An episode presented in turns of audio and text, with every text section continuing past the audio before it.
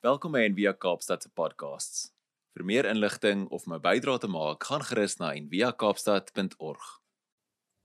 Ek het 'n bietjie gaan oplees hierdie week oor die betekenis van die ware woord um, alma mater. Ehm um, en ek ek dink dit beteken iets soos 'n uh, ek het nou vir 'n oomblik vergeet, maar ehm um, great mother of 'n uh, glorious mother. So as ons praat van ons alma maters, um, ons skole of so waar ons vandaan kom, ehm um, is dit eintlik 'n baie groot betekenis. Ons um, ons alma mater is eintlik ons ons oorsprong, ons um, ons identiteit in God waar ons vandaan kom.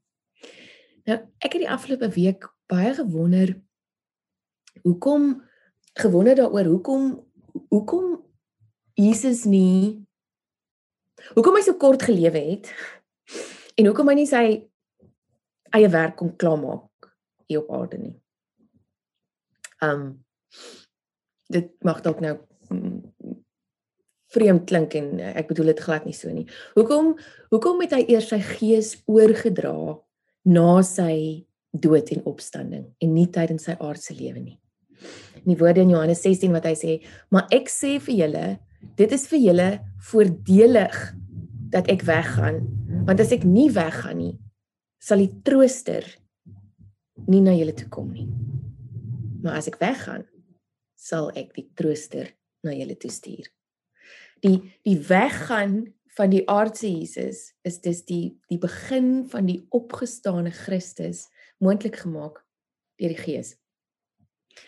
Um Raymond Panikar is 'n ek mis dit eintlik Raymond Panikar um hy is 'n um 'n Indiër. En hy hy skryf hierdie woorde. Hy sê uh, op hierdie stadium toe Jesus sy disippels los the future does not seem bright. The master is about to leave without having finished hardly anything while almost abandoning his disciples. The people have abandoned him because it has become too risky to follow him The synagogue declares him a heretic. The political representatives despise him, and his own do not understand him. He has not left them anything durable, nux, no institution. He has neither baptized or ordained, much less has he founded anything. He has left both the Spirit and himself as a silent presence in the Eucharistic act. Wat ons later gaan saamgebruik. He has sent his disciples as lambs among wolves and refused to change tactics even at the end.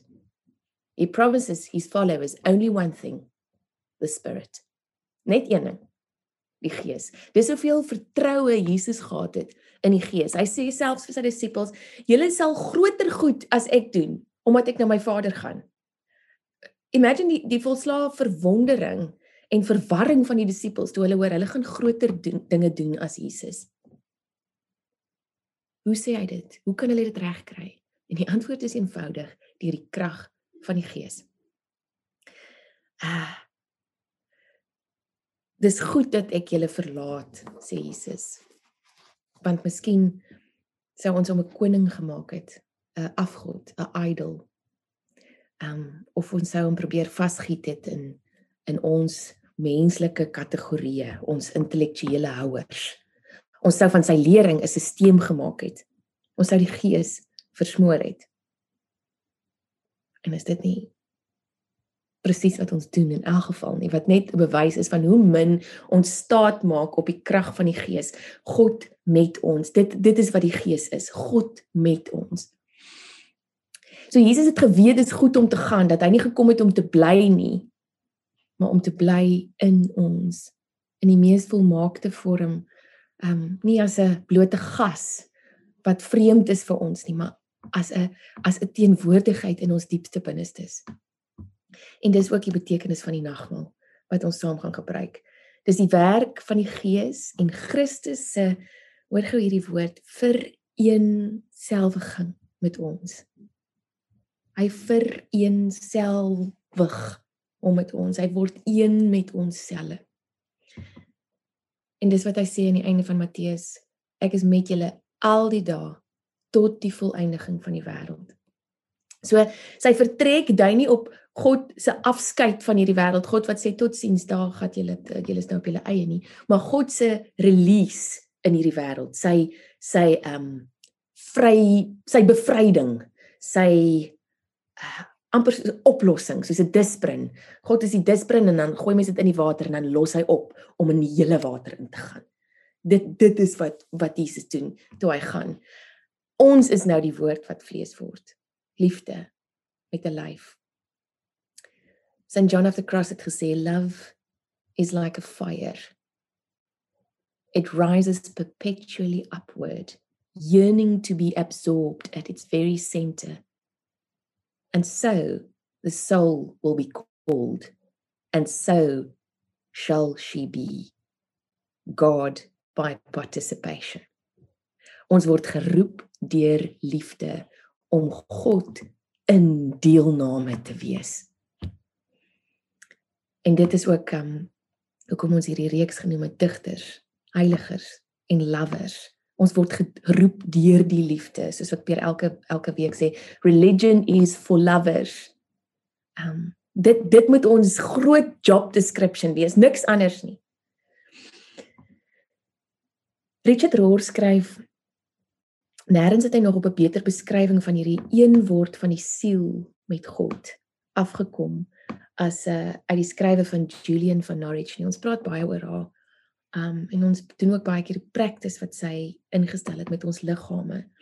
Nou Julian het het God as Vader en as Moeder aangespreek. Sy het self so ver gegaan as om te praat van Jesus my true mother. Nou dit sal ook haar oral laat laat opstyg. Sy het gesê, um, Jesus ons ware moeder van wie ons ons ontstaan ontvang het.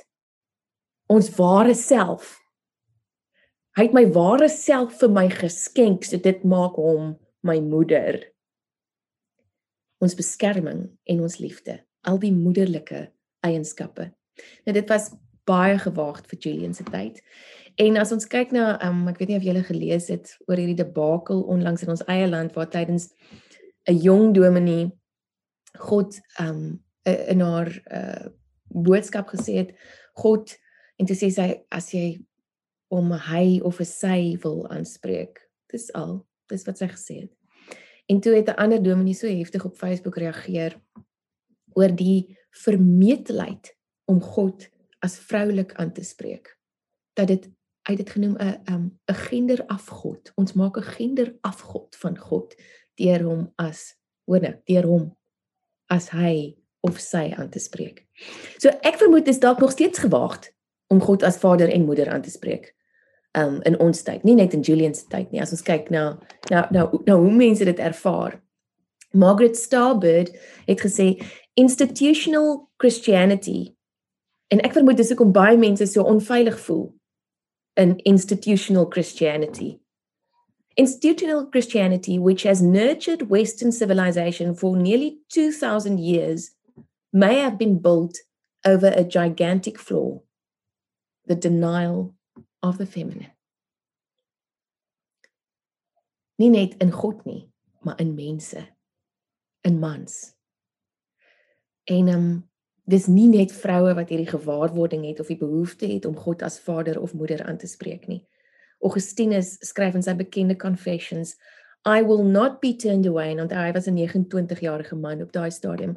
I will not be turned away until out of this scattered and disordered state you gather all that I am into the peace of her, the mother most dear.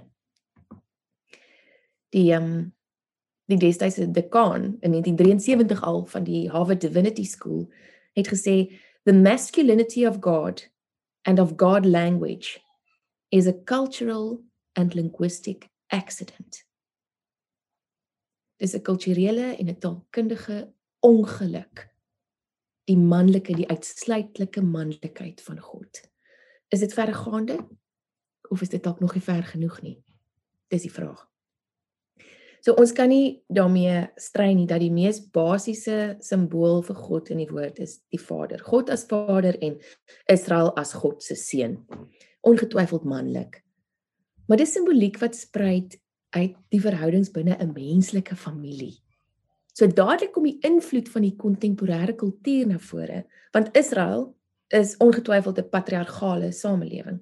Die verbond is gesluit met die mans en die besnydenis is die groot simbool van hierdie groot verbond met mans. Maar ons hoef nie verder te lees as Genesis 1 om te weet dat om vroue uit te sluit uit hierdie verbond uit of hulle op die kantlyn te los of hulle te beskou as besittings skreeu ten hemele nie. Reeds in Genesis 1 as mense sou wou vra vra oor God se geslag staan dit en God het die mens geskape na sy beeld. En dan asof dit nog nie genoeg is nie, dan sê hy dit weer, net andersom. Na die beeld van God het hy hom geskape.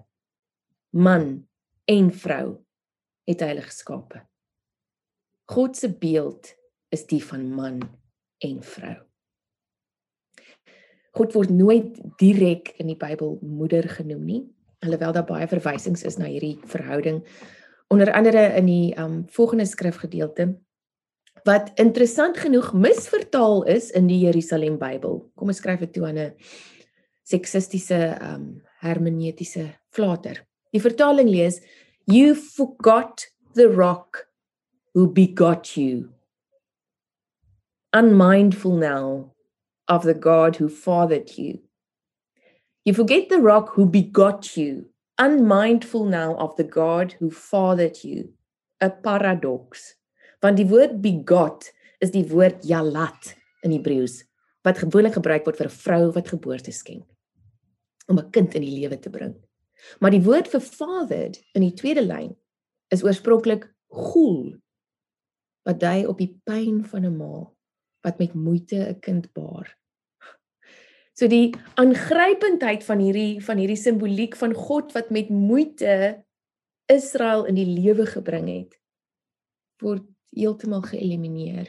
Die die teksgedeelte word in sy wese verskraal omdat dit sê God fathered them. Die woord was mothered. Ons Afrikaanse vertalings het dit wonderbo wonder reg gekry.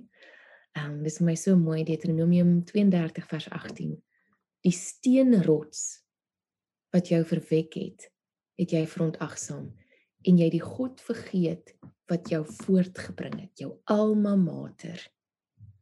Ehm um, daar's verdere woord wat baie in die Ou Testament gebruik word vir God se teer medelee, empatie, meelewing met die mens. Wat vroulikheid voorstel. Die woord is ragamim en dit kom van die woord ragam wat beteken uterus.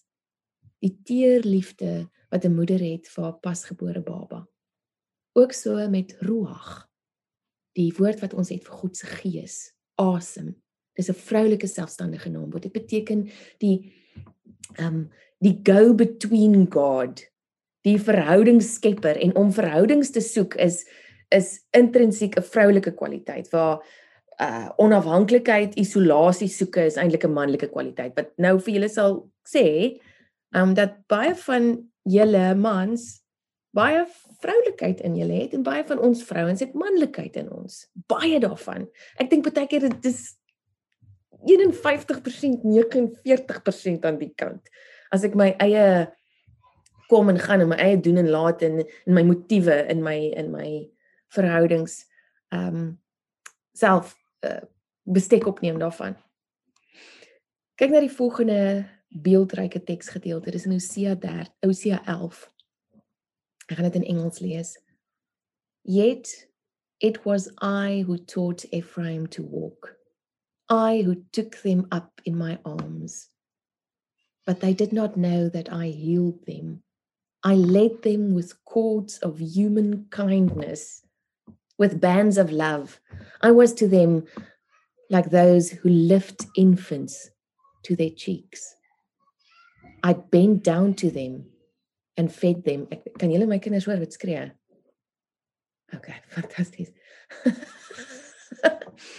I was to them like those who lift infants to their cheeks.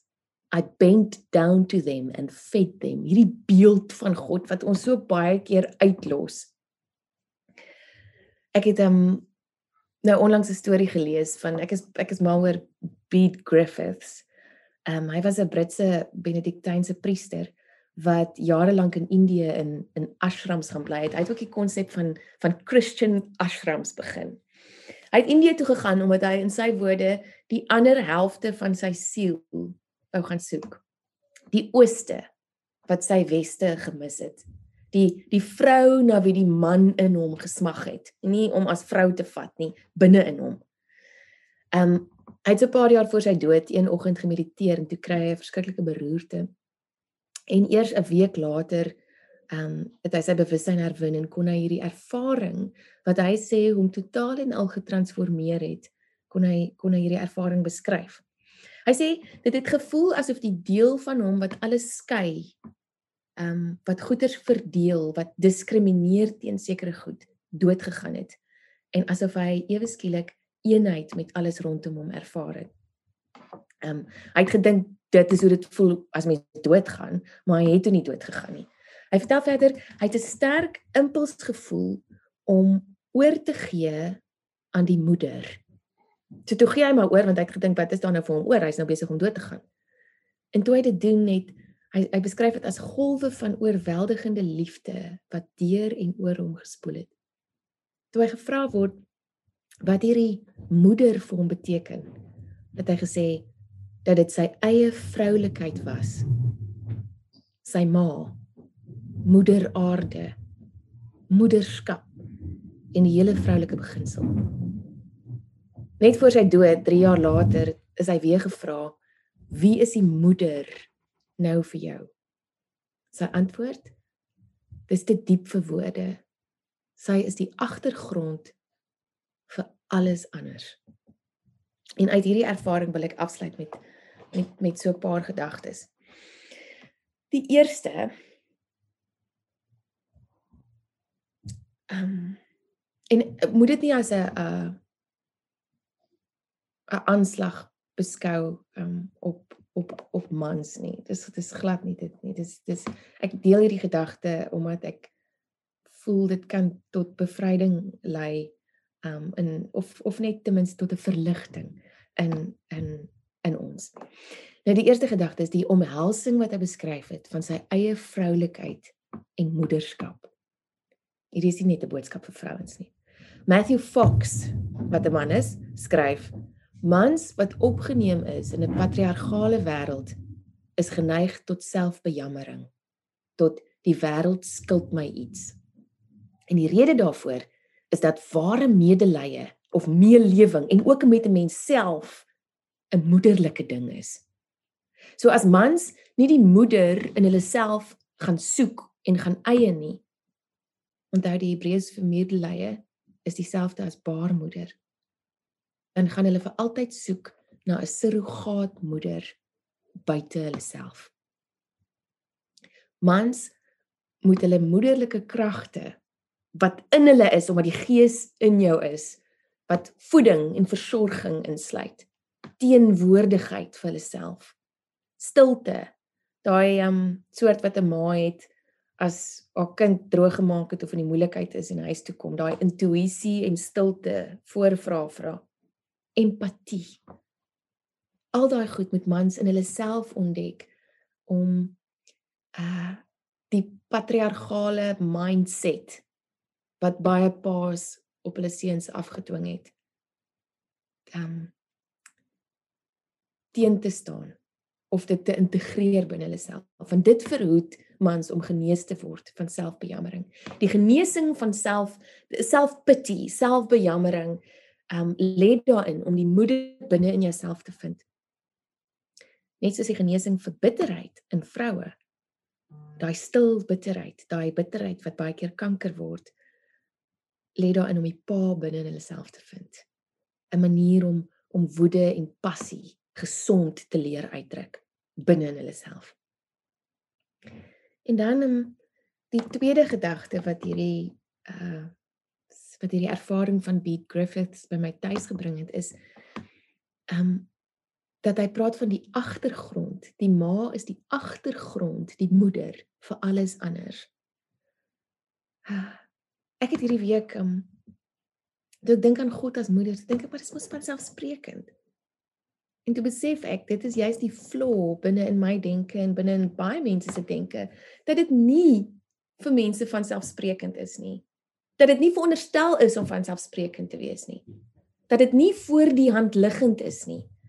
Um soos die agtergrond van 'n skildery as vanselfsprekend aanvaar word omdat ons net na die prentjie kyk. Soos ek my eie ma as vanselfsprekend aanvaar het vir die grootste deel van my lewe. Um my pa was my held. Want my pa het weggegaan en dan hy teruggekom. Hy het Ami toe gegaan en dan kom hy terug. Hy het gaan werk en dan kom hy terug. Wat 'n gelukkige meisiekind. Hy was ook ander goed. Hy het 'n diep identiteitsbesef in my geplant wat ander kan uh skoonheid of prestasies of geld of enigiets is. Maar my ma was net daar. Sy was altyd net daar. In die nag as ons siek is, is sy daar. As ons van die skool af terugkom, is sy daar. Sy het maar net haar loopbaan opgegee, wou.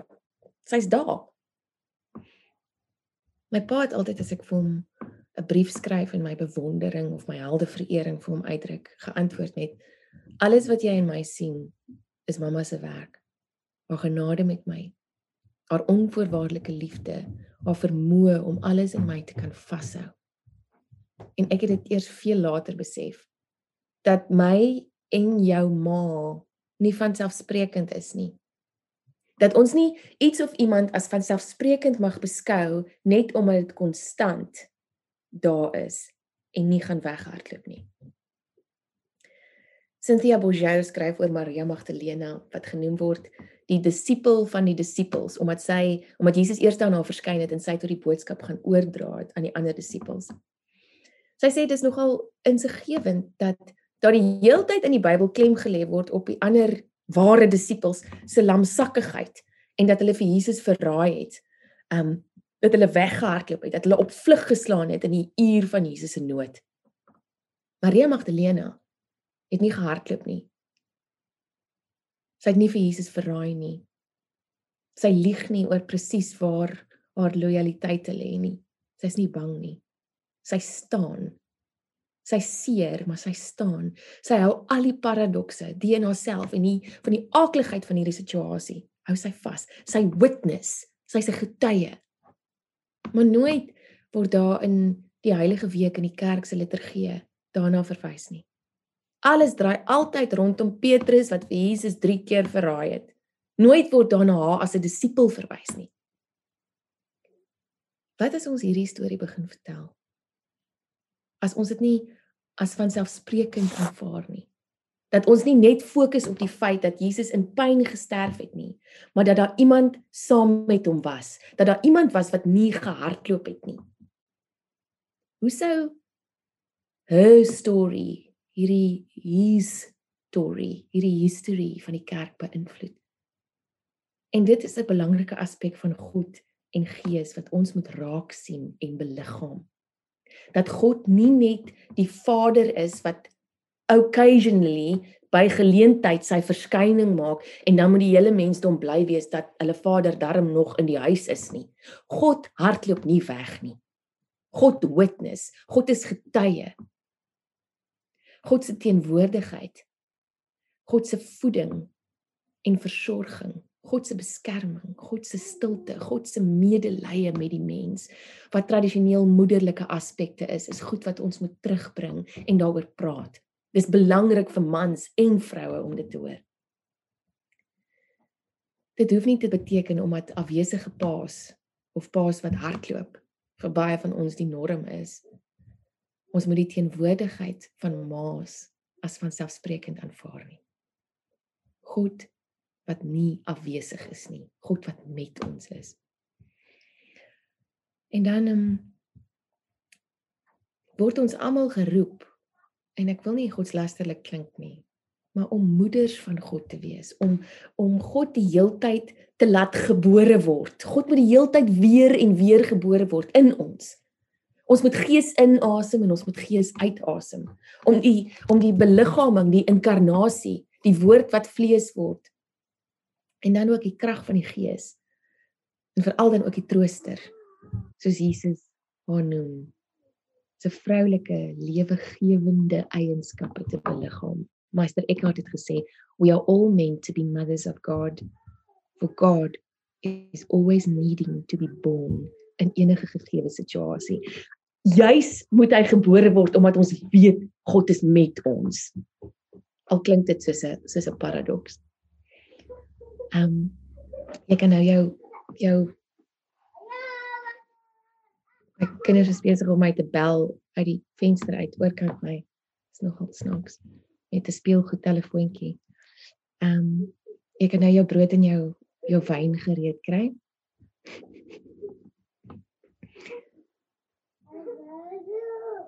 Jesus was baie ernstig oor 'n lewende verbintenis.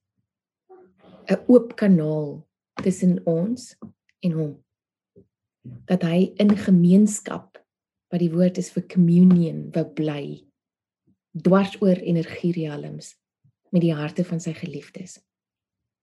Sy woorde ek in julle en julle in my sodat alles een kan wees. Die brood en die wyn bewustelik ingestel ehm um, vir die doel sou 'n deurgang wees van lewende herinnering, herinnering, remembrance. Waardeur sy geestelike mensheid sou kon aanhou om in hulle te vloei as 'n lewende teenwoordigheid, as seën en as wysheid. Jesus het ons nooit gevra om 'n kerk te bou. Hy het ons nooit gevra om priesters in te lei of rituele te ontwikkel wat oordadig is of in denominasies te versplinter nie. Sy twee groot versoeke was: hê mekaar lief soos ek julle lief gehad het en dat ons brood en wyn moes deel as 'n oop kanaal van hierdie interabiding hierdie onder mekaar inwonende liefde vir almal nie net lidmate met um, met um, stempels en kaartjies nie vir almal sodat Jesus self die onderrig van binne af kan doen op die manier wat hy self ingestel het en geheilig het. Waar sy naakte teenwoordigheid die praatwerk doen. Um iemand het hom genoem die ombudsman van ons ware selwe. En ons hoef dit nie te verstaan om dit deel te kan maak van ons. Dis waarvoor die brood en die wyn daar is. Nagmaal beteken letterlik danksegging en ten spyte van al die beperkings en verdraaiings wat kon plaasvind omdat dit in mense hande is bestaan daar steeds 'n tasbare 'n genuine ontmoetingsplek hierso. 'n uitruiling tussen die realms waardeur ons gevoed kan word op ons reis. Dis soos padkos. Dis hoekom ons dit elke dis eintlik hoekom ons elke dag moet nagmaal gebruik maar dis hoekom ons dit nou elke tweede week doen want dis padkos vir ons vir ons vir ons binneste. Dis dis daai moederlike nourishment, versorging en voeding. Ek wou eers voorgestel het dit almal vir die vroue rondom hulle, moeder of te not, ehm um, vandag nagmaal bedien. Maar dit sou totaal en al negeer wat ek sopas gesê het. vir mans om ook die moeder binne hulle self te vind. So neem eet dink daaraan het altyd gewonder hoekom hulle nie drink daarvan nie. Anyway, neem, eet, dink daaraan en glo.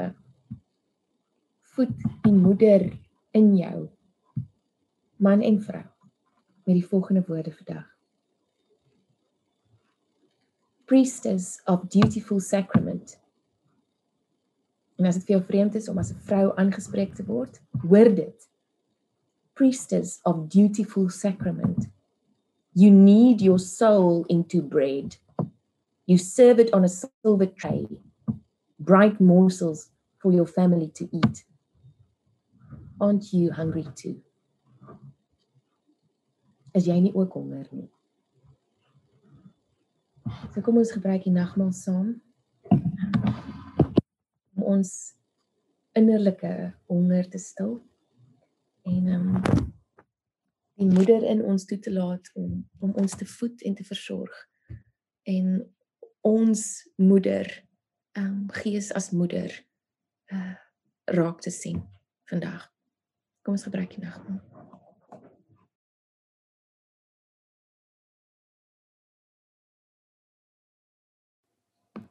Christus se vereenselwiging met ons. Terwyl ons so sit, saam sit, ek kan jou oë toemaak. Ehm um, as jy nog besig is met nagmaal, hoor net hierdie woorde. My name is Mother and I feed you, beloved, with my lifeblood to nurture and sustain you, to prepare you, dear one, to carry my presence into the universe again and again and again. For I am unceasing and I birth you from my endless longing. And yet, so fiercely, I would keep you wrapped within me, utterly protected forever, for my name is Mother. And I must birth and send you, beloved, into my universe, my world, my home. Wherever my people gather is my home, and they are my people, my beloved. Oh, so proudly I birth them. With such longing, I send them forth to be lovers, friends, holy saints, mystic. To love, not kill, to build up, not destroy, to nurture, not plunder. For my name is Mother, and I am love.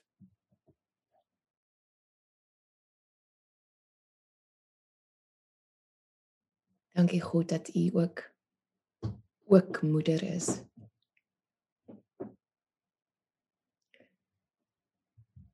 Dat U nie net van tyd tot tyd U self kom kom uh, kom bekend maak en teenwoordig is vir ons nie, maar altyd 'n inwonende teenwoordigheid in ons is. Deur die liefde, deur die voeding, deur die versorging deur u onvermoë om te kan weghardloop.